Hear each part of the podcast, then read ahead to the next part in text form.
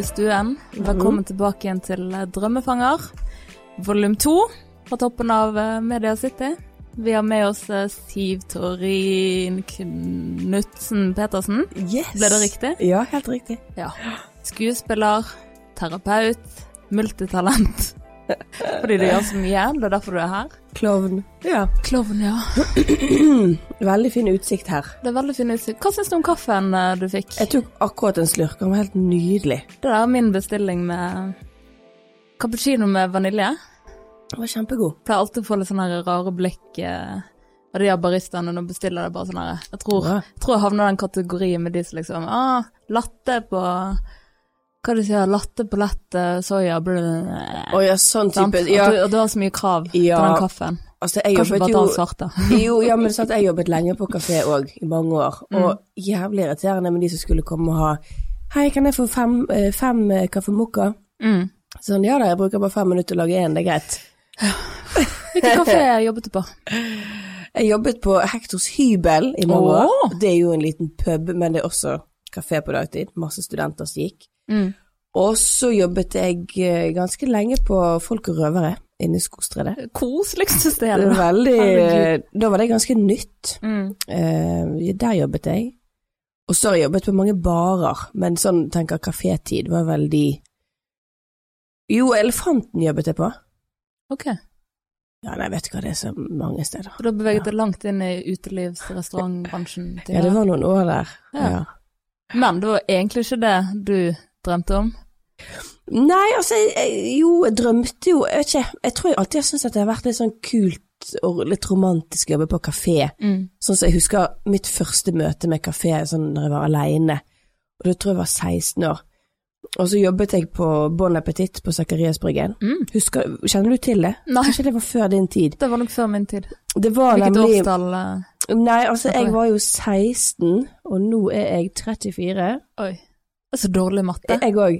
Men eh, jeg er jo Um, født i 95, sant, så Ja, jeg er født i 83, mm. sant, så jeg er 12 år eldre. Det klarte jeg å regne ut. Jeg er 12 år eldre enn deg. Oi, oi. Og så husker du Vågen fetevare? Ja, det gjør jeg. Du gjør det? Der hadde de vannpipe, så vidt jeg husker. Ja, men det var Ja, før vannpipen. Det var Før før vannpipen. Jeg var der i vannpipetiden. Ja. Ja. ja, da var ikke jeg der så mye. Nei. Det sier litt om Det var faktisk det stedet man kom inn uh, Ja. Du kom kom inn, kom inn Kom uten inn, legg. ja, du kom inn uten legg. Nettopp. Ja. Dette var litt den nedetiden til Vågen. Jeg husker det, de spilte bare litt sånn reggae Bob Marley, var ikke det litt sånn? Jo, jeg husker faktisk Ikke ikke. det er noe galt med det, men det var et eller annet med det er ingenting galt med reggae. Nei, men det var noe med tidspunktet. Ja. Altså, det var et eller annet der. Og så var det noe med utviklingen, hvor de gikk fra. Men uansett, da, så poenget var at, at eh, jeg husker jeg skulle åpne Bon Appetit, var ganske ung, og så skulle min far kjøre meg til byen. Mm. Og så måtte han slippe meg av tidlig. Og så sa han sånn, ja, men du kan bare gå inn på Vågen og kose deg, da. Ta deg en kakao eller noe sånt, og så Er det trygt, da? og så, ja, ja. Og så kom jeg inn da, og så var det så utrolig koselig, sånn kjemperustikk. De skjønne damene som jobbet der, alle var litt sånn, litt sånn sexy med litt sånn bustete hår satt opp og litt sånn Mm. tynne. Så lagde de der enorme blingsene, og du hadde røkt Jarlsberg, eh, masse purre på. Ja. Så spilte de Susanne Vega. Kjenner du Susanne Vega? Nei, Nei, men føler jeg har hørt sånn, eh, navnet. Sosialistisk eh, singer-songwriter Ok. dame. Kjempeflink. Hm. Nei, det var veldig romantisk. Så etter det så var jo det sånn å, kanskje jeg skal jobbe på kafé når jeg studerer. Ja. Men eh, ok, det er veldig mye å ta tak i her, for du har gjort veldig mye. Jeg tenker vi begynner med når var første gangen du visste at det var skuespiller du ville bli? Altså, det var jo Det er et veldig godt spørsmål. Jeg vet ikke helt om jeg vet første gangen, men jeg kan huske liksom perioder. Ja, om du viste noen sånn tydelige Ja. tegn eh, Ja, jeg tror interessen var var det veldig Ja, for interessen var det veldig for å underholde. mm. Også når jeg, når jeg eh, fortalte ting hjemme og sånn, så når, når de lo, så var det veldig gøy å bli ledd av. sant? At det, liksom, det var litt sånn klovnete. Og så hadde vi på, på Kvamskogen har vi hytte, og der har vi sånn lite sånn her akkurat sånn type scene Eller bare sånn litt, en lite her, Jeg kan ikke snakke Men et trappetrinn opp fra stuekjøkkenet. kjøkkenet. ja! Og der har vi et forheng. Ja. Så det var sånn scenegulv når vi var små. Mm. Sånn at ofte på lørdagskveldene etter vi hadde laget selvfølgelig hjemmelaget pizza, Åh. så hadde vi barna min storesøster og de vi hadde med, ofte hadde hun med venninner, eller jeg hadde med venninner, Mm. så hadde vi et lite show, Ok. der vi måtte tvinge de voksne til å se på show. Det hadde vi òg. Ja, Det er sant? gøy, Det er ja. kjempegøy. Og der hadde vi sånn parodi på Ingrid Espelid og Mm. alle disse her klassiske eh, som slo an for foreldrene våre. Og de Ja. lo og lo. Jeg husker morfar, han lo så han nesten gren. Og det var så gøy. Så der tror jeg det tente en gnist.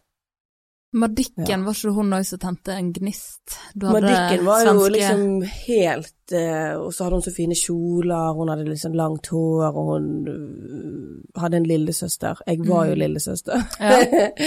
jeg drømte også om å ha en lillesøster, så jeg Ja. kunne bosse litt rundt.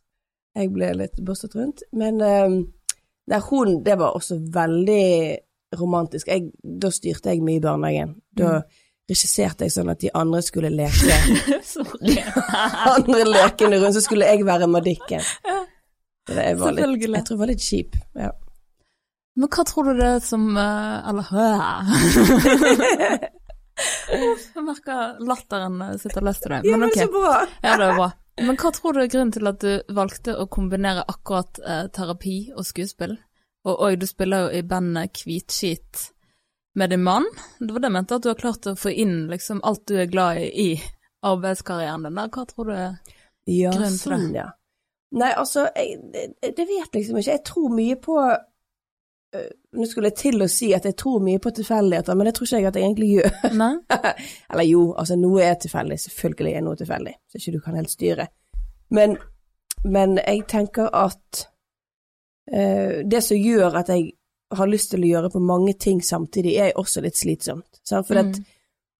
jeg tenker, jeg, ofte misunner jeg de som gjerne eh, har én ting de er jævlig gode på, for da Mm. blir de så sykt gode på den ene tingen hvis de vier all sin tid til for eksempel gitarspilling. Ja. Sant?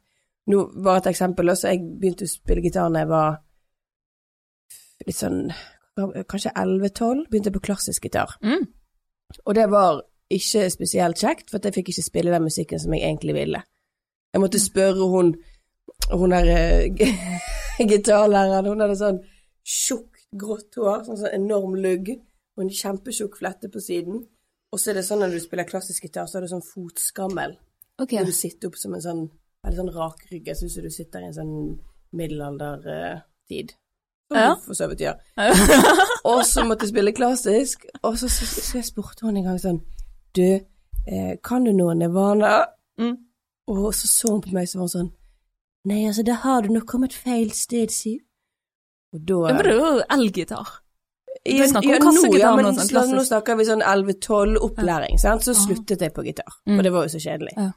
Og så når jeg bodde i London igjen, Ja. så tok jeg opp gitaret. Okay, Ja. Og så knakk jeg koden med å spille gitar og følge en rytme, altså en takt. Wow! Og da klarte jeg å synge til. Wow! Wow. Jeg tror Jeg hadde vært en drøm om å synge, og fikk, har liksom hørt hele mitt liv at Siv Helvete, jeg tror du kanskje du er tonedøv. Jeg, jeg har alltid sunget så falskt. Ikke kanskje første verset, men så har jeg plutselig lagt meg på en tone over eller under. Og det har ikke jeg hørt. Mm. For jeg har gått mer for å synge eh, etter der det er behagelig, for jeg er Mm. så hes. Og var mye hesere før. Mm. Sikkert for at jeg røykte, men ja. Uansett. Ehm, så poenget var at uh, det er en drøm som aldri liksom ga helt slipp, på en måte, den der at jeg hadde lyst til å synge og spille. Ja. Og så når jeg knakk den koden med den takten, så var det sånn wow, ja, men jeg, jeg syns jo at dette Jeg føler jo at jeg treffer liksom tonen. Mm. Og så gikk jeg til Føler. Jeg føler. Jeg føler. Og så, og så hadde jeg en sanglærer i London. Ja. Veldig søt gutt. Du må med- kanskje forklare at du på et tidspunkt dro til London, Ja, ja. Ja. Jeg, jeg var så, London. så folk henger med her. Jeg hopper litt. Ja, nå hopper vi litt. Men, Men poenget var, var egentlig bare det med spillingen, da. Mm. Men jo, jeg studerte film i London Ja. i et år. Skulle egentlig være der i tre år, men det ble bare ett. Uh, ja. Sorry, nå fikk jeg det helt Nei, ut av nei, tak. det gjør ikke noe, men Nei, altså, bare tingen var at det var så gøy å kjenne at gud, jeg kan jo Jeg er ikke tonedøv. Hvis jeg øver på dette, så kan jeg faktisk klare å synge uh, sånn som jeg kan synge, liksom. Sant? Mm. Til gitar. Ja. Men så har jo jeg Så poenget mitt var egentlig at jeg har spilt gitar ganske kjempelenge. Mm. Men jeg har aldri blitt god på det, for jeg har aldri liksom øvde, øvde, øvde, øvde, liksom. Ja. Mengde, mengdetreningen. Ja. Men uh, svarte vi på det her med hva er liksom fellesnevneren her? Mellom ja, sant, de at det så, når det er så mange ting man har lyst Mm, til, så ja. er ikke det sikkert at du alltid blir så god på den der Ja. ene tingen. Nei. Men det er ikke sikkert det er så viktig for meg, Nei, hvis du nei, skjønner. Det er mer det at jeg, Godt poeng. det blir, jeg, jeg kjeder meg så fort. Mm. Og det er egentlig Jeg vet ikke om det er et problem, altså hvis jeg snur det til noe positivt, så er jo det kjekt. Sant? Men det kan også være litt slitsomt. Mm. Hvis du, ja. Men du får jo mye ting eh, gjort. Du er produktiv Ikke dame. alltid. virker Fordi at, jeg skal si det, det at veldig, veldig ofte Og nå er jeg gravid, da. Ja. Men nå er det ofte sånn på kveldene at jeg, sånn som når eh, Våle, min sønn på tre, når han er lagt, Mm.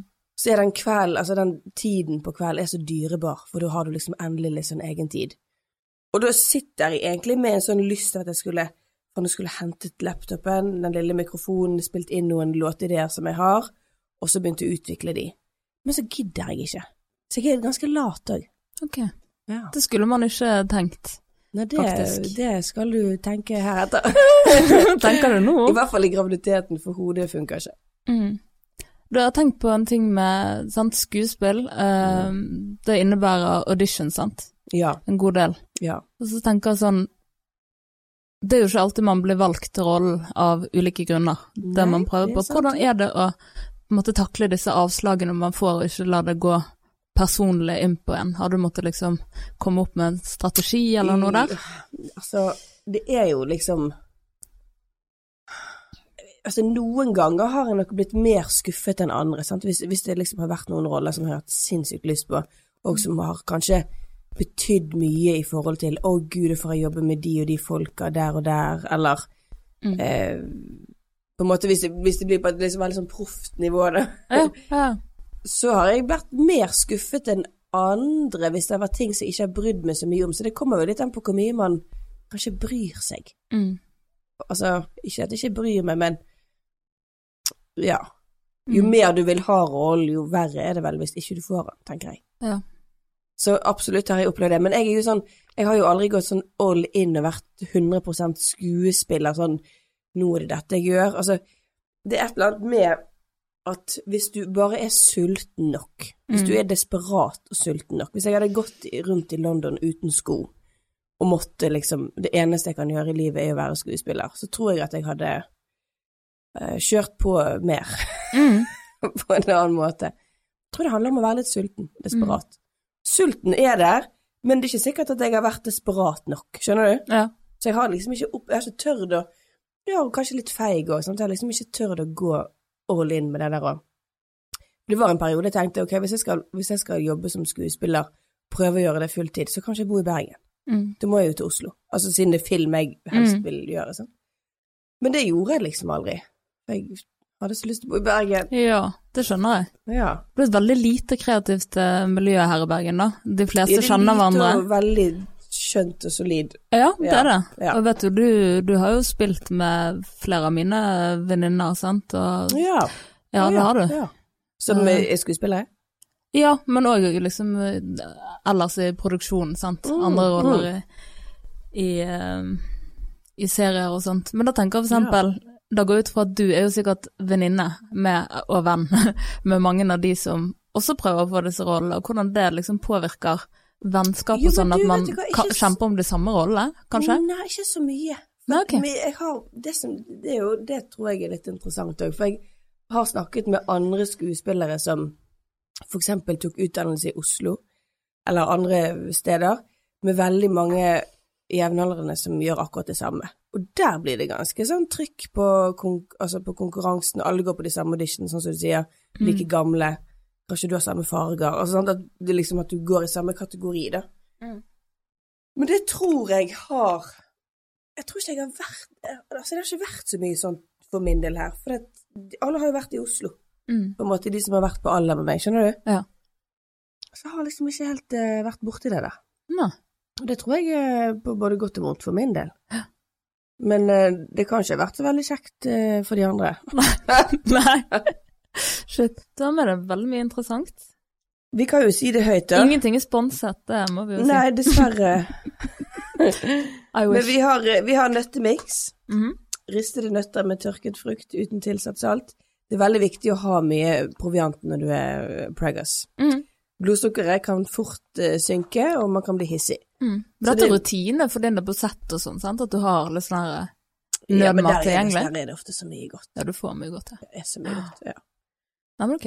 Og så har vi kaffe, vi har tyggis, vi har uh, halsbrannpastiller, som heter uh, Galieve. De er faktisk de beste, spør okay. du meg. Da vet vi det. Og så har vi litt sminke. Litt sminke, selv om ingen ser oss. Og vi har Nei, gud, vi Det kan jo hende vi er ute blant folk. Ja. Ja. Og jeg tror Ja, nei, så vi skal ikke gå inn på det. Vi er Ricola, Original Herb. Nå trodde du du skulle si vi er rike. Nei. vi er ikke det. Det spørs rik på penger, Ja, rik, på rik på kjærlighet. ja. Hva er rik på hva? Ja, det er sant. Ja. Vi har. Crush, Dent, Fersken, Mm. Saft. Telefoner. Du har saft. Saften er din. Jeg har har saft jo, med leppestift på. jeg har jo ja. vann med med Du har, du har vann med dråper. Med dråper. Fortell om de dråpene dine. Ja, det er Hva er det dette? Rescue Remedy. Så det er da eh, sånn her blomsteressens som, eh, som jeg er veldig glad i. Og denne skal hjelpe mot nervøsitet. Må ikke du bli fornærmet at du blir nervøs av deg. Men det er denne mikrofonskrekken som, eh, som Men- vi har snakket om tidligere, og den er fortsatt litt Ja, til men, stede. kjenner, ja, men hvor, hvor nervøs er du fra 1 til 10 nå? Jeg tror vi ligger på en rolig fire, altså. Jeg er ikke så nervøs. Det er jo sånn det Nei, hvis du det- tenker på til vanlig, sant, så er det jo null. Så det er jo fortsatt Ja, ok. Ja. Hvor kjenner du det, da? nervøsitet. Jeg, altså, jeg sliter av og til litt med å beskrive det jeg føler, eh, føler på den måten, så jeg vet ikke hva jeg skal si. Det, hvor, Det føles, eh, det føles bare annerledes enn min vanlige go to-tilstand. Ja. Mm. Hvis, du, hvis du prøver å legge merke til pusten nå, da. Jeg har jo, jeg har jo pustecoach. Jeg har min egen pustecoach. Har du? Ja, jeg har det. På Det internett? Eller Nei, i, in real life. Hun holder til nede i byen. Oh, ja. Mm. Hun driver med pusting og meditasjon og fantastisk eh, dame. Oh, ja. Mm. Gikk pulsen litt ned nå? Ja, Ja, er det vi snakket Jeg merket det. Ja. Nå er vi helt ute av temaet. Det er veldig viktig å ha litt egne, egne verktøy. Ja, har du noen sånne teknikker for sant? Opplever du nervøsitet på scenen og Ja, herregud. Uff a meg. sånne ting? Ja. Og så av og til Jeg syns ofte det har så mye med dagsform å gjøre. Ja. Sant? For noen dager så kan det være sånn Gud, hvorfor ikke er jeg nervøs? Dette er jævlig rart. For det, jeg syns jo at nervøsitet er positivt, for det, betel, altså, det forteller jo meg mye om at jeg bryr meg. Mm. Sant? Ja. Og det er litt uh, kult, syns jeg. Mm. Men samtidig, hvis det tar liksom helt over, så er det ubehagelig. For da, ikke, da får ikke jeg vært meg, liksom. Mm. Og veldig ofte, sånn som når vi skal spille konserter og sånn, så er jeg noen ganger så sinnssykt nervøs, og andre ganger så fins jeg ikke nervøs. Hmm. Det er alltid jeg klarer å forklare hvorfor. Nei, du klarer ikke å skille Nei, jeg, liksom Jeg tror det handler veldig mye om dagsform. Om jeg har sovet nok, om jeg har spist Mm, ja. riktig Altså alle disse tingene, sant, før. Og ikke minst hvor selvfølgelig mye jeg har forberedt meg, da. Ja. Hvis Det er vel en viktig faktor, På, ja. ja. Er du iherdig på forberedningen? Nei, Nei? dessverre.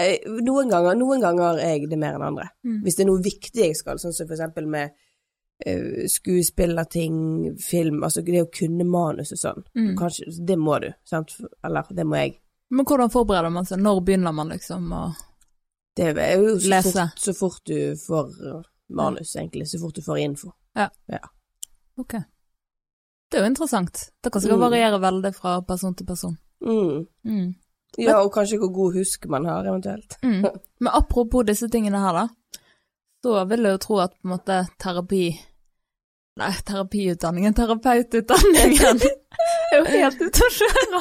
Nei, du er ikke det. Altså, det som er tingen er at jeg er jo ikke ord. Hvis, vi bare får Altså, jeg har studert veiledning, sant? Ja.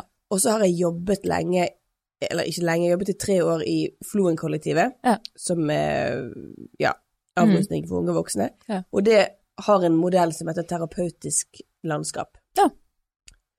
Uh, sant? Sånn at det var jo der på en måte terapiinteressen begynte. Alt Ja. foregår liksom i en terapeutisk form, at man skal liksom Hele oppholdet handler jo om å gå inn i seg sjøl og, på en måte erkjenne hva er det jeg Hvilket tomrom er det jeg fyller med rus, eller liksom Mm. Rus blir jo bare et substitutt for det som mangler, sant. Ja, ja, absolutt. Så der gikk jo interessen videre til å faktisk gå videre på, på terapi. Mm. Og det var gestaltterapi. Ja, altså den, den videreutdanningen har hovedvekt på gestaltterapi, men det er en tverrfaglig utdanning. Mm. Men min plan er nå å gå videre på gestaltterapiutdanningen for Ja. å bli gestaltterapeut. Så det skal jeg begynne med. Stile. Det er videreutdanning i Oslo. Det er på tre eller fire år. Innebærer det å flytte? Nei? Nei, Pendling? Du, ja, pendler. Ja. Så hvordan ser liksom en arbeidsuke ut for din del, du som gjør så mye forskjellig? Altså nå har jo det vært litt annerledes siden jeg er gravid, sant? Ja. Og da har ikke det vært så lett å være uh, frilans-skuespiller. Sånn at det har jo blitt litt uh, skjøvet vekk litt mindre av. Men det som jeg har gjort mer nå, at nå jobber jeg for noe som heter Terapi Bergen, som tar imot eh, klienter. Eller der tar jeg imot klienter som terapeut. Mm. Så det gjør jeg. Og så um, har jeg to ulike prosjekter jeg skriver på. Vi planlegger Mm. film, filmgreier. Ok. Ja. Har du lov å si på. noe mer om, om det er eh, så tidlig. innholdet? Det er så tidlig. Det er så tidlig. Det er så tidlig. Når, eh, når får vi vite mer? Nei, altså, vi, vi må bare få ferdig en søknad. Ok. Så kan det være vi får vite mer, hvis vi får, hvis vi får go på den. da. Mm. Så, ja. Så litt sånne ting. Og så har vi bandet. Vi holder på å spille inn ny musikk i studio. Vi har bygget nytt studio på Aske, der som vi bor. Ok. Så vi har fått endelig et hjemmestudio på Ask. Så det er helt fantastisk. Ask. Ja, Ja, Jeg så, du skrev jo på melding at jeg kjører fra Ask nå. Mm. Og så tenkte jeg, det er en forkortelse for Askøy, Nei. eller er det et sted, Nei, det, det, eller? det er et sted som heter Ask. Det er et sted på, På Askøy. Ja. Ok. Den bare fjernet øyen. Nei, hvis jeg skulle hatt kallenavn på Askøy, så hadde jeg bare sagt kjøre fra øyet. Kjører fra øyen. Ja. Uh, Nei da. Men jo, nei, Ask er et sted. Ask et sted. alt. Ja. Veldig lite kjent ute i 5307. distriktene. Ja, men du må komme ut. Vi tenkte vi skulle ha en sånn stor fest, bare ikke akkurat nå. Oh la la. Neste år. Sier ikke nei takk Bra. til noe fest. Men eh, ja, Eh, er det noen deler av bransjen din som du ikke er så begeistra for? Jo, veldig mye. Det var jo blant annet eh, Jeg tenkte vi ikke skulle gå så langt inn i det, men hva er det når, når spillet slutter? Nei, den her i forbindelse med metoo og Ja. Så hadde jo skuespillerverden sin egen ja. slagong på det. Hva, Ja. Hva var det? Nei, du tenker på den, eh, den norske bølgen av metoo. Ja. Stille før opptak. Stille for opptak. Ja. Det var jo langt ifra det jeg sa. Ok, men Nei, ja. men det, er jo, det handler jo om det. ja. Når den går på, så skal vi være stille, sant. Jeg vet ikke om du har lyst til Fint, veldig betegnende navn. Nei, altså. Hva tenker du? Hvor mye vil, eller? Hmm? Ja, du tenkte vi skulle gå inn og snakke litt om Nei, det? trenger ikke å gå så langt inn på det. Nei, jeg bare Det må kanskje være en del av bransjen som Jo, altså det tror jeg nok er en enormt viktig eh, stor del av bransjen, og det har jo fått så enorm betydning og ringvirkninger. Altså det er jo Jeg vet ikke, det virker som om det er en hel kultur som har endret seg.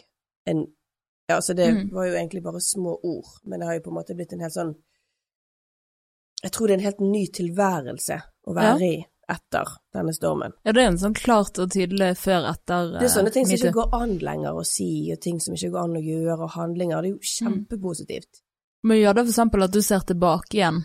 Hvis vi tenker at det er sånn skille, da. Ja. Før og etter, så går du tilbake og ser på tidligere hendelser som du på det tidspunktet tenkte Masse. dette er helt fair, og så nå tenker du nei, Masse, masse, det masse. greit. Men det er jo ikke bare i filmbransjen, det er jo liksom hele Ja, ja. tiden overalt. Bare du går inn og kjøper melk på Rema, liksom. Så Ja. Det er jo overalt. Mm. Så det er jo det som jeg tenker er det viktigste. Og nå har jo det vært så mange som innenfor sitt felt som har gått ut, sant. Innenfor musikk og for film og for eh, Jeg vet ikke hvor. Sikkert alle slags bransjer, Ja. jeg tror, Håper jeg. Blant annet mediebransjen. Ja, ja, ja. Sant? Mm. Alle slags steder. Så, og det vil jo egentlig bare Det er jo betegnet på at det er Det er jo ikke liksom noen steder det ikke er, på en måte. Hjemme hos mor og far. Se hvordan de forholder seg til hverandre, for Ja. eksempel. Sant? Det er en god pekepinn. Ja. Starter ofte der. ja. Så jeg tror at det bare det Altså, det er et skifte. Absolutt. Mm. Etter, hva skal vi si, etter 2017. Ja, det var, ja. Ja. Ja, det er det. Men et fordelaktig skifte. Ja, Absolutt. absolutt. Absolutt. Ja. Um, har du på en måte et Nei. er det ett spesifikt personlighetstrekk du føler har hjulpet i din skuespillerkarriere, og for så vidt alt det andre du henger fingeren i om dagen? Jeg ble litt, jeg ble litt interessert nå når du lo når du skulle Nei. presentere Nei, for jeg tenkte jeg var allerede videre på neste spørsmål, så egentlig det, er samme ja. spørsmålet bare i mm, Altså, ja, motsatt uh... Men altså, personlighetstrekk, det er litt spennende. Ja, det er veldig interessant. Peiling, det var et godt spørsmål. Hva er et personlighetstrekk, da? Jeg liker, se, jeg liker å se på det sånn. Eller jeg tenker personligheten den er både veldig enkel og veldig kompleks. Og diskuterte det her med en venninne, at når du skal beskrive andre folk, så er det veldig sånn ja, hun er sånn. Hun er, ja, hun er morsom, hun er stille, hun er rolig, hun er Mm, mm. hyper, whatever. Men så når man skal beskrive seg sjøl, så er det det, nei, det er situasjonsbasert, og nei, det varierer jo når jeg føler meg sånn, så er jeg sånn, og, Mm. og så gir vi aldri den muligheten til andre, vi tilegner det på en måte bare egenskaper, da. Sånn er det, for vi liker å kategorisere som mennesker Ja. og ha liksom klare linjer på hva vi forholder oss til, tenker jeg da. Mm, Men det er jo veldig sånn, ok, du har ulike trekk som kommer fram på ulike vis i ulike situasjoner, og det på en måte trenger ikke nødvendigvis å kategoriseres, dette er positivt trekk, dette er negativt trekk, det bare er. mm, Det bare er sånn som du er, liksom. mm. Og så er det som en smørje liksom av sider. Vi er jo Ja. veldig allsidige som mennesker. Jeg er helt enig. Vi har jo alle sidene, sant. Mm. Men jeg tenker òg at det er jo ofte det som gjør at vi får visse personlighetstrekk, er jo introjekter. Sant? Mm. Alle sånne ting som på en måte vi blir matet med. Mm. Som egentlig kanskje er eh, Kanskje noe jeg har fått fra min far derfra, kanskje noe jeg har fått fra min mormor, men som jeg integrerer som en del av meg. sant? Mm. Og så ofte når man blir voksen, så tar jeg et oppgjør med Hei, stemmer jeg egentlig Rødt? Er det egentlig mitt parti, for eksempel? Mm. Nå er jeg helt hypotetisk. Men ja, liksom, men det er viktig å ta det oppgjøret. Ja. Ja. Nei, det er faktisk ikke mitt. Nei, ok. Jeg, jeg vet ikke hva, jeg begynner å stemme mer uh, Senterpartiet, jeg, altså. Ja. For eksempel. Jeg gjør ikke det, altså, men Mm. bare sånn, ja. Så det, på en måte eie det mer sjøl, men personlighetstrekk jeg synes det er vanskelig. Vi er jo veldig dynamisk, tenker jeg òg, Ja. og det er lett Ja, for eksempel med en reunion, da, for eksempel fra gamle klassekamerater, så faller du rett inn i den rollen du hadde på den tiden, for det, Mm, folk mm. har visse forventninger til hvordan du er som person, og så har du kanskje utviklet det videre fra det, men det er ikke alltid greit i Mm. andre sine øyne. De vil ha deg rett inn igjen i den. Ja, boksen som du tillater før. de tillater deg Ja. å være liksom At du har tatt et oppgjør kanskje med det. Sant? Ja. Nei, jeg er ikke hun som eh, Det er ikke hun som sitter i et hjørne på fest lenger, liksom. nei. Nei, Nei. ikke hun. Og det er jo veldig spennende, for det er jo sånn veldig interessant. hvis, altså hvis man blir bevisst på det, Mm. så kan du endre det. Da kan du gjøre noe med det. Men hvis ikke du er bevisst på det, så Ja. blir du tvunget rett tilbake til hun Ja. girl 13, liksom. Ja. Vi har et valg der òg. Ja, det er interessant. Så du quotet han eh, Søren Kirkegård på Jeg var inne på terapisiden din. Ja, Ja, der man kan bestille tjenester uh, av deg, da. Mm. Um, og jeg syns han har en veldig spennende teori, det her med at vi egentlig som menneske er to personer. Du har Mm. meg, og så har du jeg. Og at for eksempel, ja, si du skal slutte å snuse, da, så er det jeg som prøver å overbevise meg om at nå, nå er det på tide å slutte. Mm. Jeg, jeg har litt troen på det der, Ja, det høres fint ut. Ja. Men du er glad i han, eller? Ja, altså, jeg Han har veldig mye sånne fine teorier og tanker om hjelpekunst. Og så er han på en måte Han var en av de som var veldig sånn opptatt av at Og sånn som i det sitatet, sånn, så handler det om at hvis du noen gang skal hjelpe Hvis du skal forsøke å hjelpe noen, Mm. så må du begynne der de er. Ja. Hva betyr det, liksom? Ja, det er veldig viktig. Aksept òg. Bare akseptere at sånn, Det er litt det det sånn er dette mennesket. Helt enig. Det, det handler Jeg tenker sånn All, all eh, grobunn for, for eh, endring, altså for terapeutisk endring, eller hvis du skal få Mm. noe ut av det, så handler det om aksept. Det er liksom den som ligger til bunn for alt. Mm. Og det skjønte han, altså. Han Mm. var inne på noe veldig tidlig. det, det er viktig. Ja. Det har jeg tenkt mye på. Bare Mm. ja, ta folk for det det er, da. Bare akseptere dette er det vi forholder oss til, liksom, istedenfor Mm. å eh, prøve å i hodet vårt gjøre de om til noe annet som passer oss bedre. Folk er sånn som de er. Ja, men Eh. ja, og akseptere de sidene hos en sjøl som man absolutt ikke kan utstå. Ja. Det er jo kanskje aller De først speiler vi ofte i andre, sant, at de blir veldig irriterende trekk hos andre. Yes. Da er bruker ofte andre personer på å se å ja, ok, det er det, det, det jeg sliter med nå, ja. Okay. Du òg? Ja. Du òg? Jeg òg. Hele Mm. tiden. Hele Ja. tiden. Og tenker er jo folkene vi har rundt, er et veldig fint bilde på hvem vi er som person. Så hvis det er vanskelig å se innover, så kan du i hvert fall se på de og finne Mm. nøste mm. opp i noen tråder, da. Ja, det er sant. Mm. Apropos dette, så tenkte jeg litt på um, en rollefigur, sant. Så uh, kan du på en måte bli bedt om å gjøre ting som på en måte er utenfor din egen komfortsone, og Mm. rollefiguren kan ha helt andre ja, grenser og måter å være på enn det du har som privatperson. Og hvordan på en måte fungerer det skillet, eller hva, hva kan du gjøre for å på en måte bli komfortabel med å krysse grenser som rollekarakteren gjør, som ikke du ville gjort personlig, og på en måte klare å Nei, det er ikke Siv Toren som gjør dette, det er Jeg tenker det, det er Maja, liksom. Altså, det første ordet jeg tenker da, er liksom befriende, Ja. tenker jeg. Gud, hvor gøy. Ja. Tenk å få lov til det da. Og så bare Ja, kjøre på med det. Jeg har jo Selvfølgelig har jeg opplevd det litt grann ut ifra de rollene, men jeg har aldri opplevd noe sånn kjempeekstremt. Mm. Enda bank i bordet. Det hadde vært veldig gøy. Det har jeg lyst til. Men, Ja. men um, for eksempel, det var jo en rolle jeg spilte som blir litt sånn motsatt igjen, da. Men jeg spilte litt sånn streng, og hun som på en måte var litt sånn seriøs, og litt mer forknytt. Og det var en ganske sånn fengslende følelse. Mm. Jeg husker at som å spille den rollen var ganske sånn at jeg følte meg litt sånn låst, skikkelig låst. Sånn på en måte å være i et rom med bare mennesker, og ingen av de inspirerer deg til å slappe av eller være deg sjøl, eller Sånn var det litt å være hun hele tiden. Mm. Det var så ubehagelig, men så lærerikt. Ja. Og liksom Fikk aldri lov til å liksom spille på noen impulser, sant. Ja. Alt ble liksom bare sånn lukket ned og skulle være riktig og flink og korrekt. Så jævlig klaustrofobisk. Ja. Og tenker at du blir veldig på en måte utvidet som menneske av å ha den jobben du har, da, for at du hele tiden må krysse disse grensene og på en måte gå utenfor den uh, komfortsonen man har Mm. bygget rundt seg. og På en måte da, da ser du å ja, men det kan jo faktisk være sånn. Hvis du vil, så kan du på en måte tilegne deg den egenskapen på privaten òg, tenker jeg. Absolutt, men det er et eller annet med når det blir sånn Altså, jeg vet ikke hva som blir forskjellen. det ligger mye selvutvikling, tenker jeg da, i å være skuespiller. Det ligger mye selvutvikling, Mm. men også Det kan jo bli litt forced, sant. Det kan Ja. bli litt sånn Å, hun hadde fin latter, sånn vil jeg òg ha. liksom. Det er mange fake latter ute og går, og det hva er det som gjør at vi kan liksom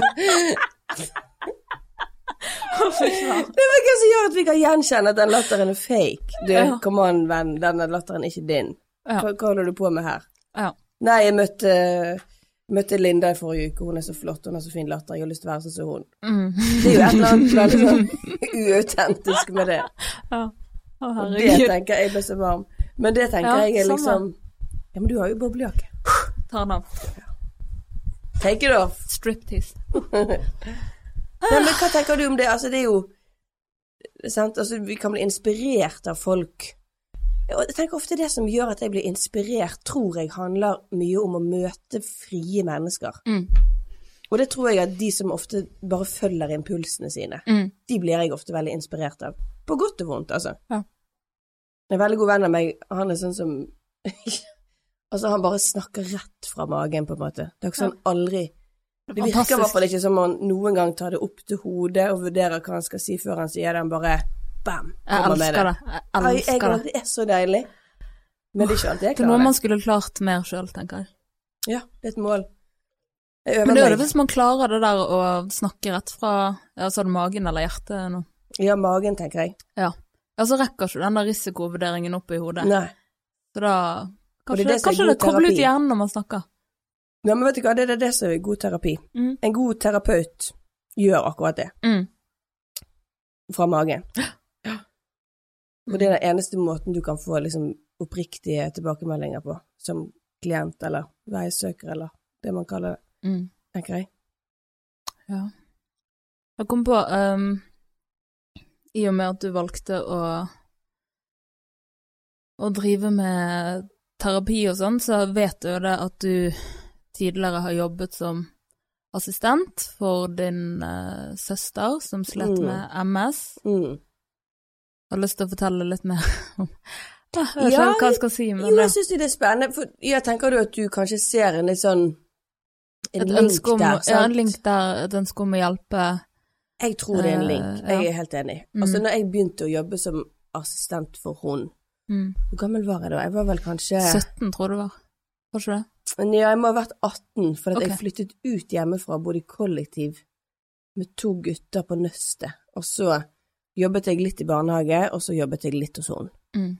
Og så tok jeg opp igjen fag fra videregående. Så jeg hadde fått lov å velge vekk. For det var litt sånn tøft akkurat det året der når hun fikk diagnosen. Ja. Da fikk jeg lov å velge vekk noen fag sånn at jeg ikke skulle slutte på skolen, men sånn at jeg Mm. bare kunne ta det opp igjen. Det er igjen. fint at de tilrettelegger. Altså. Ja, det var kjempebra. Det reddet meg, altså. Så tok jeg de fagene opp igjen, det var bare to eksamener. Mm. Uh, og så jobbet jeg hos hun, og så husker jeg på den tiden så var jeg sammen med en gutt, og så påpekte han at åh, du er alltid så sur når du kommer hjem, når jeg Mm. hadde vært hos hun. Uff, ja, så det var jo mye sånn, forståelig. ja. det, ja det er forståelig, men det var liksom mye sånn som jeg ikke på en måte tok opp og snakket om, altså skjønner du, det var liksom Mm. mye litt sånn innbitt, eller ikke innbitt, men mer sånn, det var sårt og trist, men så var det liksom hele tiden en sånn der kamp om overlevelse også, for hun hadde det så jævlig ondt, hun hadde smerter hele Mm. tiden. Hvordan er det som søster å sitte og se på noe sånt? Nei, det er Og at det utvikler seg på en måte i negativ retning. det er jo helt forferdelig, for du kan ikke gjøre noe, liksom. Mm. Den, den følelsen av å se hun ha det så ondt, og så kan du liksom ikke Det eneste du kan gjøre, er jo bare være der. Det er jo det eneste du kan. Du kan ikke ta smerten fra henne, du kan ikke liksom Nei. Sånn, Så du må jo bare være der, og det er veldig også frustrerende, for jeg var, jeg var så mye sint på henne, fordi at jeg, jeg så hva familien vår også gikk igjennom. Mm. Altså, mamma var utslitt, mormor var utslitt, pappa var utslitt. Så Mm. det var jo veldig sånn jeg var, jeg var sint på henne, jeg var kjempelei meg for henne, hun var jo mitt største idol, liksom. Ja. Og sint på henne fordi at hun liksom forsvant, på en Ja. måte. Så det, var, det er veldig sånn Men dette er jo følelser som jeg i ettertid har kunnet på en måte bearbeide og se. Mm. Der og da var det bare på en måte et virvar av mye drit, liksom. Mm. Men vi hadde det også mye gøy. Ja. Veldig mye humor. Det tror jeg reddet oss gjennom ganske mye. Det er en viktig egenskap i dumme Ja. tider. Ja. Det, Sikkert òg for hun. Ja, og familien vår. Mye Ja. sånn galgenhumor. Det er viktig. Mm. Men har du tenkt på det i, i ettertid, eller har Ja. situasjonen lært deg noe om at livet kan være kort, og at det er viktig å gi, altså få mest mulig ut av, ut av det? Eller har det på en måte Ja, snudd det perspektivet ditt på livet Nei, på jeg tror at det ligger der hele tiden. Altså Ja. når du på en måte opplever noe sånt som det der, så tror jeg at du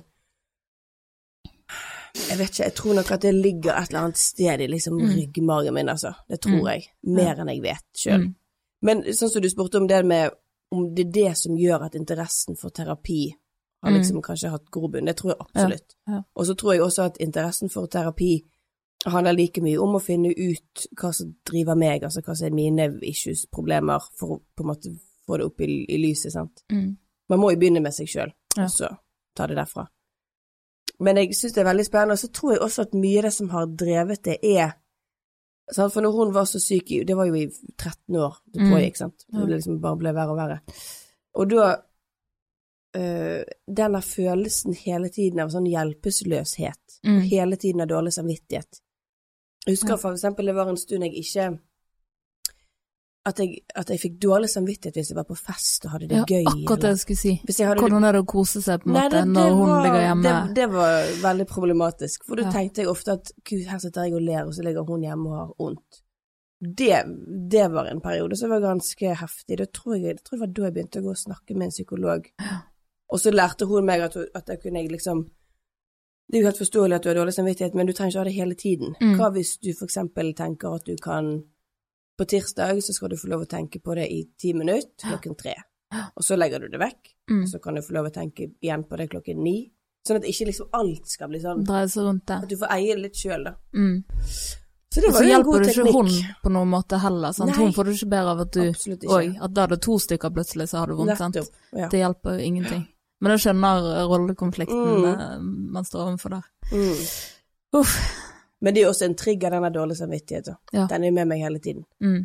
Fortsatt. Ja. Ja. Og hvis jeg får dårlig samvittighet av noe, så blir jeg jævlig sur. Mm. Og så skjønner jeg litt mer etter hvert hvorfor. Eller det kan være en trigger.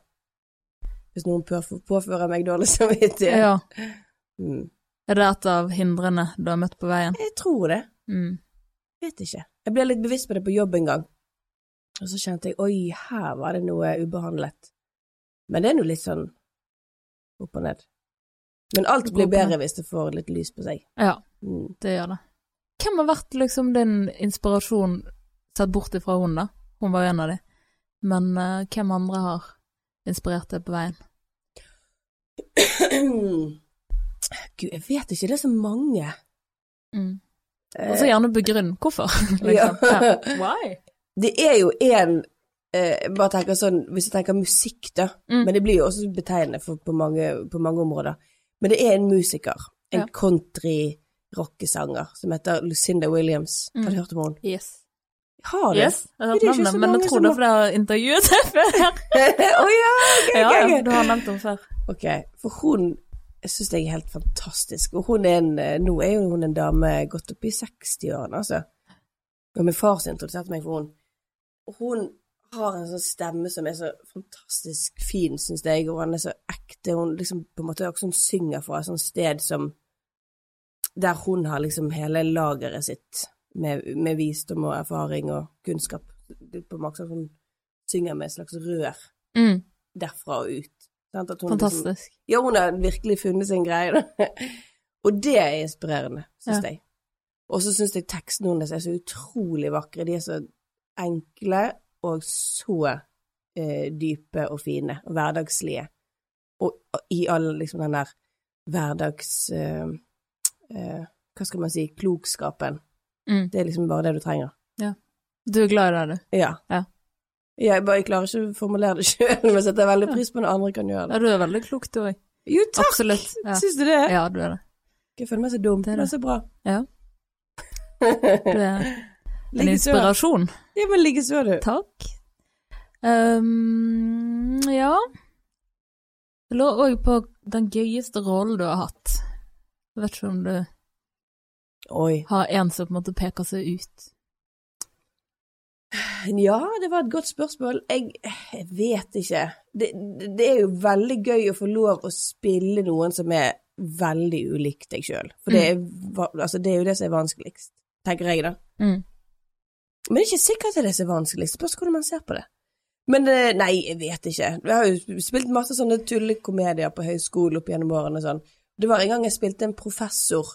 En, en eh, mann, okay. en mann med stor mage og sånn flagrebart. Og en mann i tillegg. Ja, det, det, det syns jeg er gøy. Ja. Og han var veldig sånn eh, eh, På en måte veldig sår for dette skiftet som handlet om eh, det klassiske, magiske pianoet møter liksom teknologi. Sant? Og på en måte den overgangen. Og han var så Mm. sår, om hvordan kunne vi kalle dette musikk? Og det musiserende mennesket som var så indignert. Han var ganske gøy å spille. Så han liksom tok all kjeften ut på en sånn liksom teit elev han hadde og kom inn til ham med et, med et sånn uh, Casio-orgel. det var litt gøy. En Mm. sånn liten sånn uh, rar uh, forestilling. Men det er gøy å få lov å være de typene som på en måte når du kan parodiere ting, sant. Altså, det er jo en karakter som er blandet av masse forskjellige folk jeg har møtt, sant, som jeg syns blir litt teit og satt på spissen. Mm.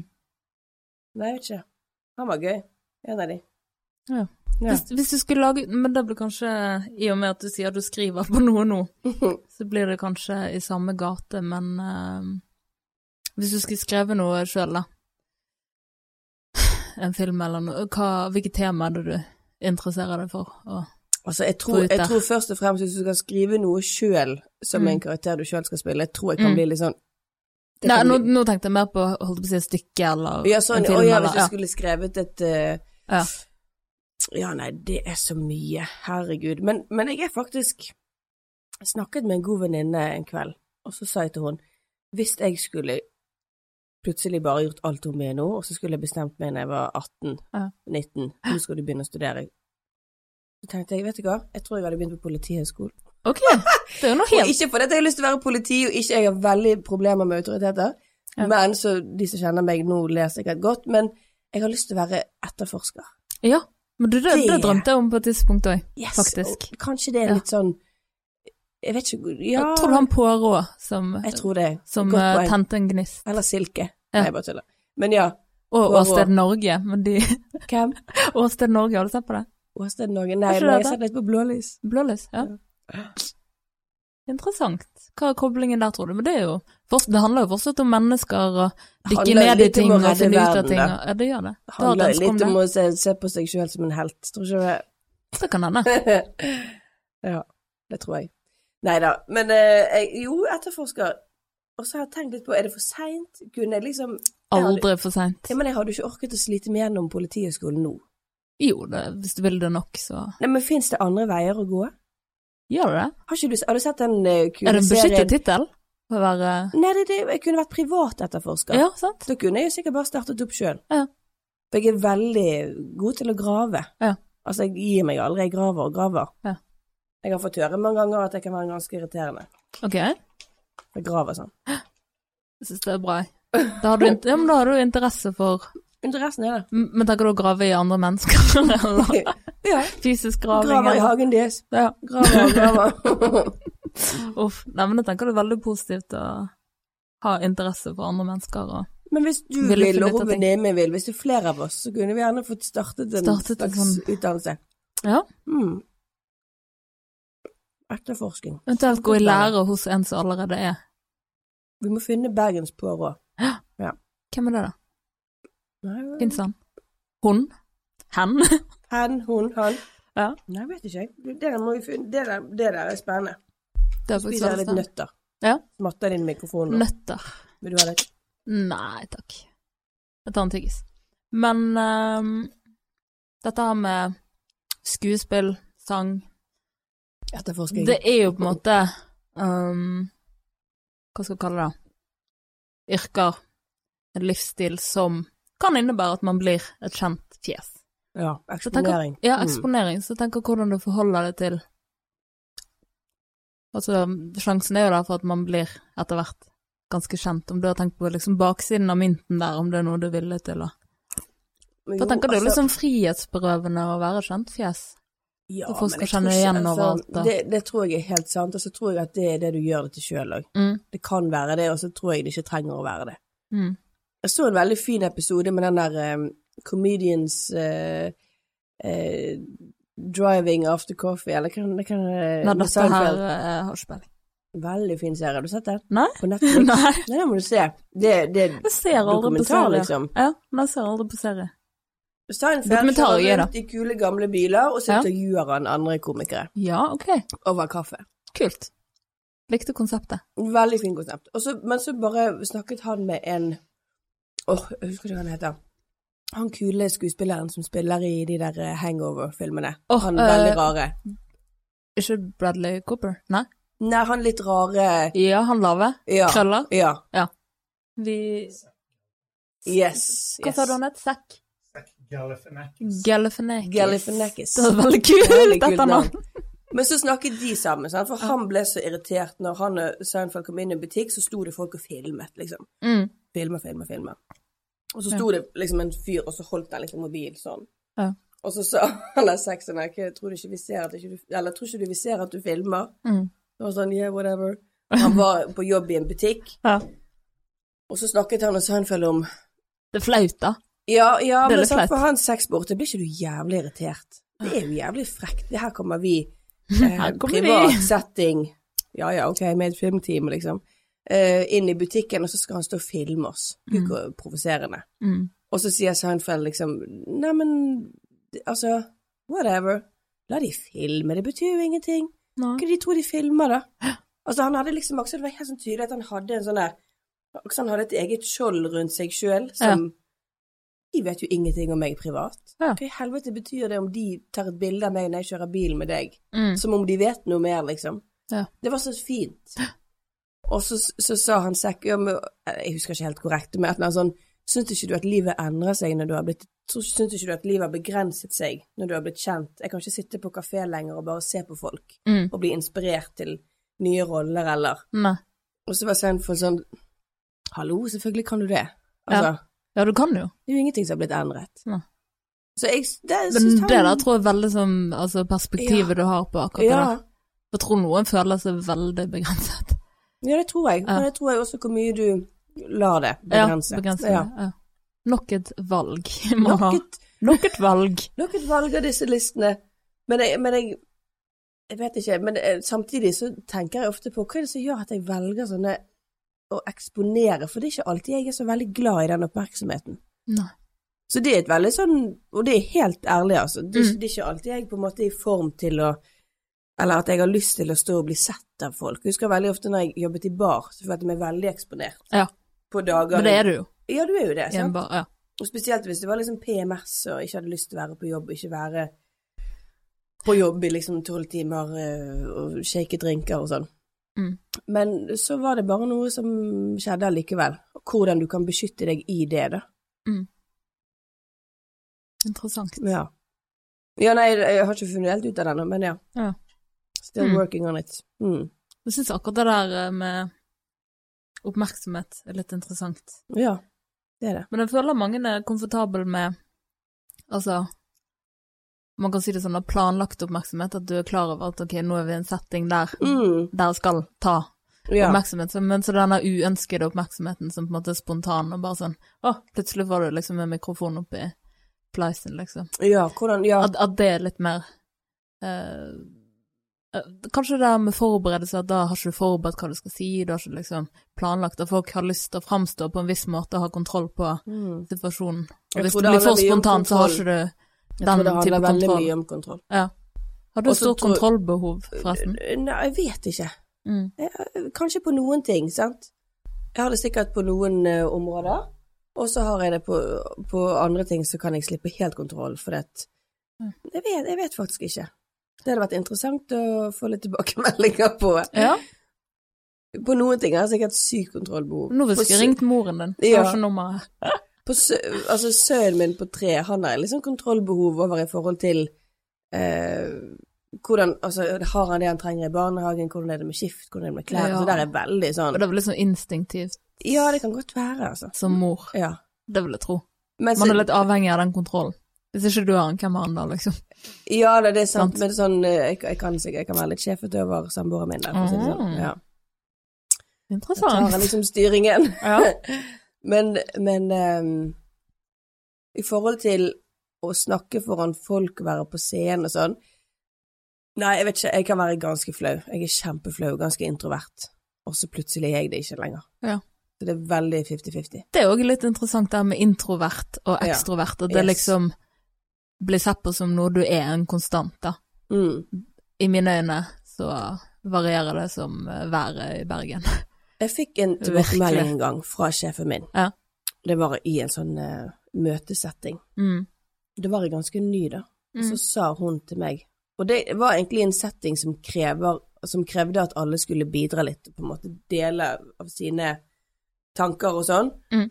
Og så, uh, etter en stund, så sa jeg noe, da hadde jeg vært stille ganske lenge, tror jeg. Og så sa jeg noe, og Mm. så var jeg ferdig å si det. Og så sa hun, er du klar over, Siv, at når du er her i rommet nå, så kan du velge og da er du enten helt usynlig, eller så blir du veldig synlig. Og det var en ganske sterk tilbakemelding å få, for jeg var ikke helt klar over det. Hva mente hun med at du kunne velge? At det sånn- faktisk var sånn, At det var sånn eller? hun opplevde meg. Ok. Aha. Og det syns jeg var Det litt interessant. eh, Ja, det var veldig To interessant. ytterpunkter, liksom. Ja, veldig. Og den har jeg tenkt mye på, og den tror jeg stemmer. Mm. For av og til kan jeg føle meg litt usynlig, og da blir jeg litt irritert. Hvis ikke jeg har vært klar over det, liksom. Mm. Blir irritert på de andre som på en måte opp eh, Som behandler meg som liksom Hva faen, jeg har jo meninger, eller hun usynlige, liksom. Ja, det er sikkert en sånn lillesøsterkompleks, Ja. kanskje, sant? Det kan godt hende. Og så kan jeg bli litt irritert hvis jeg får for mye. For jeg har ikke Nei, dette har ikke jeg bedt om, liksom. Nei. Men en sånn mellomting, da. Ja, det er jo det, da. Den evige balansen. Ja. Mm. Men har du noen sånne vaner og Eller en slags livsfilosofi eller et eller annet som har gjort støttet deg liksom på veien til å gå såpass mye ut av ja, komfortsonen og Altså, jeg tror ikke jeg opplever at det er så veldig ut av komfortsonen, men det kan jo være at det egentlig er det. Bare at det har blitt en sånn automatikk i at dette er noe som jeg driver med, og da skal jeg gjøre det. mm. Skjønner du? Ja. At jeg vet ikke hvor aktivt det har vært. Nei. Eller bevisst. Det har sikkert vært kanskje mer ubevisst, da. Ja. For jeg tenker komfortsonen er noe som utvider seg hele tiden, Mm. men at når du har valgt eksempel å være skuespiller, stå på en scene, sånn, så har du gått mye lenger ut av den enn kanskje flertallet. Mm. Men så har du din egen komfortsone innenfor den sfæren som du opererer i. Ja. Eh, da. Jo, jeg skjønner hva du mener. Ja. Jeg tror at eksempel i en sånn setting, hvis vi skal spille ut en scene, sant? på film, så er jo det ikke noe som Altså, det er jo ganske intimt, sant. Altså, det er liksom kanskje bare et par ti stykker der, sant, og så er det et kamera. Så det er jo noe helt annet enn å være i en teatersal. Mm. Nå har ikke jeg spilt inn sånn sitcom med live publikum. Nei, Til å få det begge virker deler. gøy. Ja, det virker gøy. Det virker veldig gøy. Men, men eh, det er jo et eller annet med å du, Altså, jeg tror Jeg tror at i hvert fall det som jeg prøver å gjøre, at jeg bestemmer meg for at jeg kan ikke være flere steder samtidig. Sant? Jeg må kun være det ene stedet. Mm. Og da må jeg kjenne inni meg at jeg er der. Sånn som for eksempel hvis jeg er Trine Lise på, på jobb i ABBA Bergen, så kan ikke jeg se jeg, jeg, må, altså, jeg må jo prøve å la være å se hun utenifra, men jeg tenker at nå er jeg Trine Lise som er på jobb, hun har her er notisboken hennes, her har oversikt over hva alle skal denne dagen. Diana har et møte klokken eh, 19, og Mm. Ellen skal til frisøren klokken 12, liksom, sant? Altså, Så det er ikke bare skriblerier man skriver Nei, faktisk jo, ned? faktisk. Skrive ned. Og så har jeg av og til liksom planlagt hva har Trine Lise laget til lunsj i dag. Jo, ute i kjøleskapet så ligger det pastasalat, og det har hun laget hjemme, for hun er inne på en sånn sunn bølge for tiden. Altså, så på en måte, jo Mm. mer av universet du skaper til karakteren rundt, jo lettere er det å bare handle innenfor den lille boblen. Mm. Og da glemmer du kamera, du glemmer liksom Ja. Eller Og Dette er vel en sånn skuespillerteknikk, akkurat Ja. som det sa med at man får bare beskjed ofte om å lage en historie, Ja. og kanskje en hemmelighet som man ikke forteller av publikum. Mm, mm. Så hvilken type hemmelighet har du hatt som rollekarakter? Jeg vet ikke om jeg kan huske en sånn konkret hemmelighet, men du på en måte prøver å bygge opp en historie til karakteren som, som du kan huske, som er, som er med på å like mye begrense hun som å gjøre hun jævlig fri og åpen og kul, sant? Sånn Mm. overkompensering, eller. Sånn som hun Trine Lise er jo veldig sånn at hun er øh, veldig selvsikker. I Mm. hvert fall i jobben sin, for der har hun kontroll på alt. Hun har ingenting å skjule, hun kan veldig mye, og så har hun på en måte litt sånne evner utenom at hun har veldig peiling på teknologiske ting, for eksempel, Mm. og veldig mye sånn rar, rare kontakter, veldig rart nettverk. At hun har gjort veldig mye forskjellig. Og så er hun på en måte litt sånn eh, seksuell aktiv på begge lag. at hun er liksom veldig opptatt av det, da. Så jeg tror nok at det ligger noe litt sånn mørkere på bunnen Ja. i hun. Ser du på det som noe mørkt? Nei, men det er noe hun prøver å skjule med å Ja. være så veldig selvsikker. Ja, Sant. ok. Hun har jo Jeg vet ikke hvor veldig mange nære hun egentlig har, Nei, sant? Hvis du skjønner. det var veldig interessant. Men Mm. innebærer det at hvis hun kan mye om teknologi, så må du lese deg veldig opp på teknologi? Så du har samme Nei, kunnskapen? nei. okay. Ikke nødvendigvis. Det kommer an på hvilke replikker jeg får. Ja, shit. Ja, men hun var seksuelt aktiv, sa du? Ja, Men, altså hun eh, er veldig sånn opptatt av å liksom snakke veldig sånn om hvor sexy noen er, eller flørte med dem, eller liksom at det er en Ja. sånn del av hun, da. Ja. Er sånne ting ubehagelig å spille, om du ikke er sånn sjøl? Ja, for det, det var litt vittig. Det var en scene jeg skulle spille litt flørtende med en, og så følte Altså, jeg trodde at jeg var veldig sånn veldig flørtende. Som privatperson eller som hun? Nei, så, så i rollen som Ja, i hun, rollen som hun. Ja. Og så, og så fikk jeg liksom tilbakemeldinger på OK, Siv, enda mer, enda mer. Og kom igjen. Nei, dette kan ikke vi se. Enda mer. Så sånn, herregud, kom, trenger du ha det inn med teskje, liksom? Så jeg tror at jeg er ganske dårlig Ja. sjøl. Eller jeg er sikkert ikke dårlig på det. Altså, når jeg uh, flørter, så gjør jeg nok det, men jeg tror ikke jeg er alltid like bevisst på det. Skjønner du hva jeg mener? Ja. Jeg har ikke noe sånn triks. Nei. Og det hadde jeg åpenbart ikke som jeg kunne bruke som Trine Lise. Nei. Har du det? Triks? Ja. Altså, vet du Nå flørter jeg. Nå flørter jeg ikke. Nei. Jeg tror nok det er mer denne følelsen av å få folk til å føle seg bra, så du på en måte flørter med Ja, eh, gamle damer og babyer og menn og kvinner, alt. Sant? Ja, men hvis At du, det er mer en væremåte, jeg vet ikke. ja, men hvis du du Hvis du kjenner at du blir tiltrukket av et Ja, menneske, sånn ja. ja.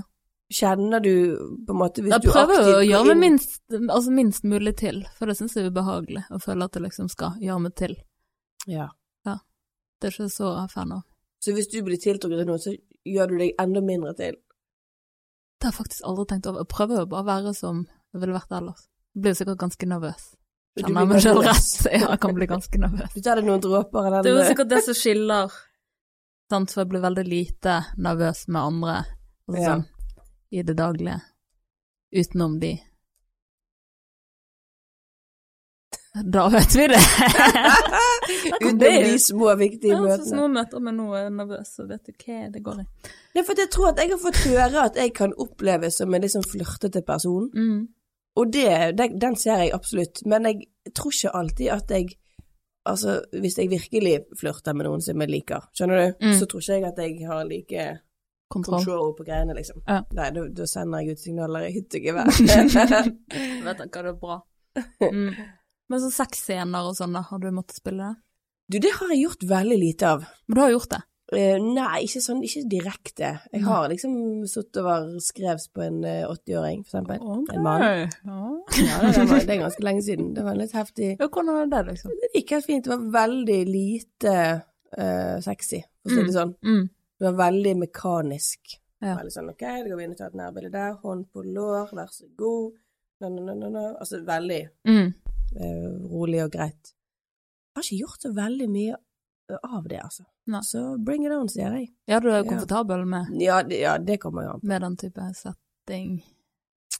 Vet ikke. Spennende.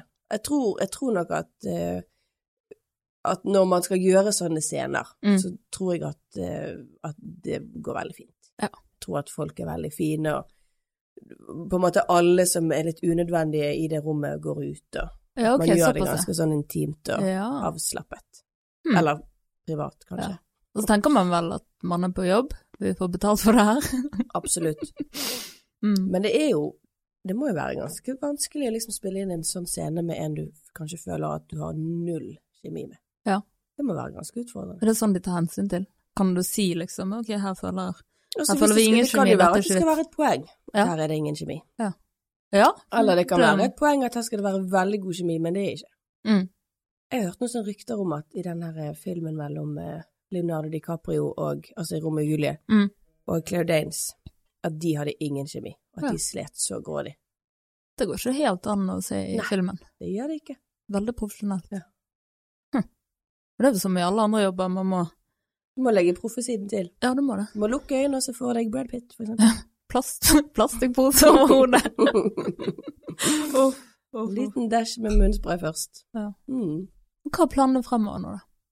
Nå skal jeg føde, da. Ja, du skal føde. Eh, Jeg skal føde ut Hvor lenge er det til nå? Syv? Er det syv uker? Fire uker. Fire uker, ja. Så- En måned, med andre ord. En måned. Så jeg tenker sånn Altså, alt eh, som skjer innenfor tre uker før termin, er Mm. liksom ikke for tidlig. Tenker jeg, bring it on. Mm. Så om en uke, da kan alt skje, tenker jeg. Hvilket stjernetegn blir babyen? Uh, du, det må vi finne ut. Altså, termin er 11. november. Får du skorpion? Ja, Du får skorpion? skorpion, baby. Ja, men nå må vi huske på at han, han forrige De er litt vanskelige, de skorpionene. De er litt vanskelig. Jeg er skytten sjøl, da. Å ja. Jeg er vannmann, men jeg har skorpion òg i mitt I ditt nettverk. I, mine. min Å ja, ja! Jeg har ascendanten, Ja. tenker du på? Ja, jeg har den i løven. I løven. Men du har uh, skorpion. Nei, for det er tre, sant. Du har ascendant, og så Og har du tre? Oh, ja. Er det Venus det heter, eller noe sånt? Jeg har i hvert fall vannmann, løve, skorpion. Oh, ja. Jeg syns det passer Jeg meg. visste ikke at jeg hadde tre, jeg trodde jeg bare hadde to. Da må du sjekke opp i det. Ja. Nei, altså, men terminen er i hvert fall 11. november. Og han forrige, han kom to uker over tiden. Mm. Så jeg trodde han skulle bli en Altså, han er født eh, 1. mai. Hva, Mm. hva er han da? Vær? Er så Jeg har ikke helt Nei. Nei, det Skal vi se. Først Skal vi google? Ja, vi googler. Jeg, jeg tror i hvert fall at uh, Våle, han er blitt en vær. Mm. Og så tror jeg at uh, Jeg tror ikke han her er hin. Det, det blir en gutt. Jeg tror ikke han rekker å bli en skytte. Mm. Da skal han gå tre uker over tiden, og det er helt uaktuelt. Ja. Det blir, det blir skorpionbaby. Han er tyren, han. Tyr. Hvem? Han som i mai. Ja, Våle. Våle, ja, ja. ja, ja, ja. Som sin morfar. Ja. Mm. Interessant. Så ja, for egentlig var det vær. Han hadde termin egentlig 18. mai. Mm. Nei, 18. april. Og så ble han tyr. For at han gikk to uker over tiden. Men eh, mens vi har uh, stjernetennene oppe her, sant, du var Ja. skitten, skal vi bare se om du føler gjenklang? Mm. Ja, ok. Dette har du, hvis du er født i skitten. Stor innsikt, Enormt. livlig og lærelysten. Ja, Det må du svare på. Jo, Ja, du har veldig lærelysten. Ja, ja, da. livlig, absolutt. Livlig, ja. Den er bankers. Uh, ha humor. Ja. Enormt god humor. Ja. Ja. Føler alle tenker at deres humor er den beste. Ja, Hvilken type humor har du? Vet ikke, men jeg har ikke så veldig sånn der eh, sånn eh, Jeg misunner litt de som er litt sånn underfundig, Mm. koselig, avslappet humor. Ja, det har ikke jeg. Jeg synes det er så koselig med sånn, eh, sånn ord, ordvending og sånn. Ja. Der Ja, samme. ikke, der er ikke Jeg liker det. Altså. Ja, gjør du det? Jeg liker det. Jeg, jeg, kan- jeg kan godt le av andre som driver med det, men jeg Ordspill og alt sånt. Ja. Nei, det, jeg Men det vel ikke akkurat humor, det. altså. Jeg liker ordvending. Jeg liker de som er litt grov. Ja, samme. Jeg liker grove Det Ja, Altså ikke dessverre. Ja. Dessverre. Det har brent meg på mange ganger. Uff. For kommer det, feil, kommer det feil setting, så er det bare Ja, men jeg tror jeg liker sjokkerende humor. Litt eh, selvfølgelig veldig intelligent. mm. Ja. Mm. Ja. Ja, for det sier jo noe om den som uh, catcher humoren òg, da. Sant? Altså, jeg syns bare meg sjøl er vittig. ja, men det er bra. Ja. Det er optimisme. Ja, jeg er faktisk veldig optimistisk, og Ja. det har jeg fra min oldemor. Jeg opplever det veldig positiv og optimistisk. Men nå har ikke du sett meg eh, på en Nei, søndag det var derfor jeg sier eh, opplever. For det er hit, Søndag ettermiddag Ja, ja. klokken seks. Mm. Det går vel litt opp og ned, det òg. Eh, tolerant? Mm, Ja, det vet jeg ikke. Jo, er ikke det? Jo, jeg kan være det, Ja. og så kan jeg ikke være det.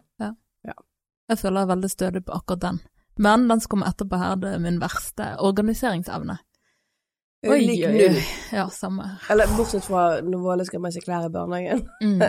Men det går an å trene opp. Nå har jeg en jobb der Ja. det innebærer å være litt organisert, så jeg har faktisk lært å Du har måttet bli det. Ja, har måttet Ja. bli det. Det er litt gøy å se at, at det kan man, liksom. Ja. Hvis det, hvis det kreves. Jeg tror at jeg har blitt det mer etter at jeg ble mor, Mm. for det må du. Det Det krever er jo mye koordinering og ja. Mm. Og så har vi da Men du har også en tendens til mental arroganse, utålmodighet og hovenhet. Veldig mye. Alle de tre. Yes. Check, check, check. yes. Dessverre. Over meg. Ja. Hm. Hovmod. Da er som veldig sånn sant, Noen har jo problemer med å innrømme litt mer negative traitsene. Men du kommer ingen vei hvis ikke Nei. du innrømmer det. Enig. Kom igjen. Ja, det er godt.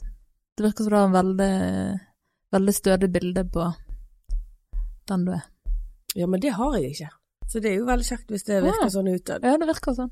Kanskje noen ting, sant, men det er jo på en måte stadig sider man opplever med seg sjøl som du aldri har vært borti. Mm. Stadig. Jeg vet ikke om ja. Ja. Det kan skje. Det er et godt tegn. Ja, kanskje. For det å tro jeg går litt på sånn komfortsone at hvis du er for lenge der, så møter du de samme, sant? Ja, ja. De samme handlingsmønstrene og de samme følelsene, altså. Det er alltid Mm. gøy med noe nytt, tenker jeg. Føle noe nytt som du aldri har følt før, tenke noe nytt som du aldri har tenkt før, sant? Det er jo er da deilig. inspirasjon og sånn kommer, Veldig. tenker jeg. Ja. Og så er det veldig kjekt også å på en måte eh, kjenne Altså, jeg liker veldig godt å kjenne når jeg har feil. For eksempel hvis det gjelder førsteinntrykk av folk, eller Mm. måte Jeg elsker å ha feil. Mm. Det er veldig, veldig kjekt. Men det tar lang tid før jeg innrømmer for meg sjøl at jeg hadde feil. Ja. Jeg lærte akkurat av en av en som heter eh, Ellen, Mm. som sa eh, Hun jobber i barnevernet, og jeg skal begynne å jobbe der Mm. eh, etter hvert, jeg òg. Sånn, som sånn koordinator for, for noe som heter familieråd. Kult. Det krever jo organisering. Det krever masse organisering, så Mm. det skal bli veldig spennende. Der må du bare. Men det er på en, også en litt uh, annen måte, føler jeg. Mm. Istedenfor sånn organisering av sitt eget liv. Så er det mer sånn OK, vær så god, dette skal du gjøre. Det, det skal gå fint. Organisering av andres liv. Ja, ja. Mye enklere. Men hun sa en regel som heter 90-90-90, og jeg husker ikke han teoretikeren bak. Ja. Men det Den handler er jo borte, Ja, har du hørt om det? Ja. Som hvis jeg, hvis jeg hadde møtt deg første gang nå, Mm. så bestemmer jeg meg i løpet av 90 sekunder hvem du er, Mm. eller førsteinntrykk. Mm. Og så tar det 90 minutter uh, sånn i, i, når vi skal være sammen, Mm.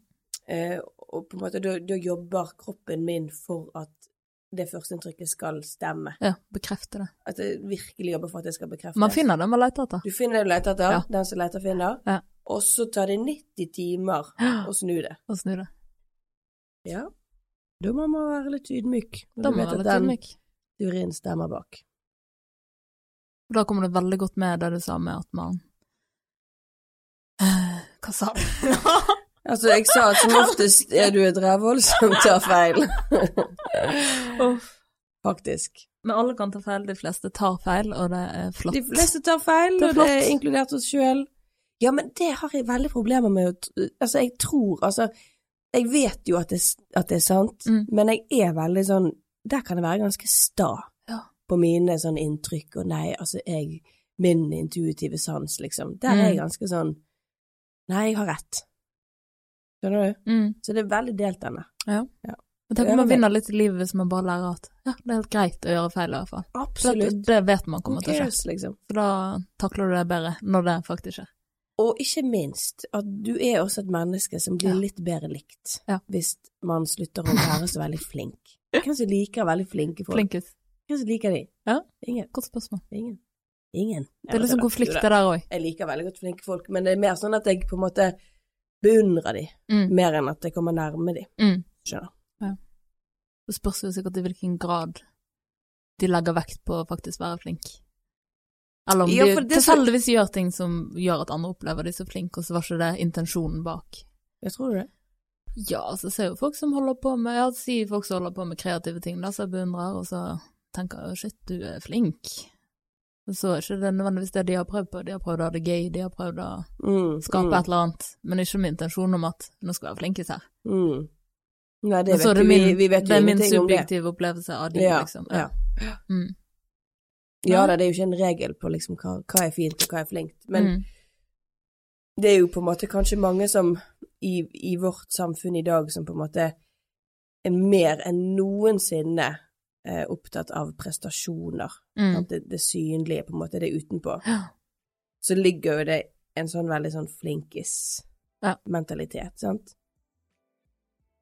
Sånn at Ja. Det ligger jo en slags forventning i det, kanskje. Betinget kjærlighet, vet du. Det Ja. det er jo grobunn for sånne ting. Ja. Absolutt. Mer av det. Hvis du bare blir premiert når du er flink, og folk er bare glad i deg når du er flink og gjør som de vil, så er det jo lett å på en måte lage som sånn forsvarsmekanisme. Det er jo så utrolig Ja. ubalanse. Mm. Nå er vi inne på noe interessant her, men jeg tror faktisk vi er nødt til å runde av. Ja. Ja. This has come to an end. Vi Ja. kunne sittet her i timevis, vi. ja. Kjempekoselig. Kaffen er tom. Kaffen er tom, men vi har uh, fortsatt drops, da. Vi har drops. Vi har drops. Tusen, tusen, tusen takk for at du kom. Du, takk for meg. Ja. Kjempekjekt. Veldig hyggelig. Veldig koselig. Skal vi si samme avslutningen som sist gang? Tuddelut, så jeg fikk så mye pes for av Kristoffer. Tudelut. Tuddelut. Tudelut. På gjensyn. På gjensyn.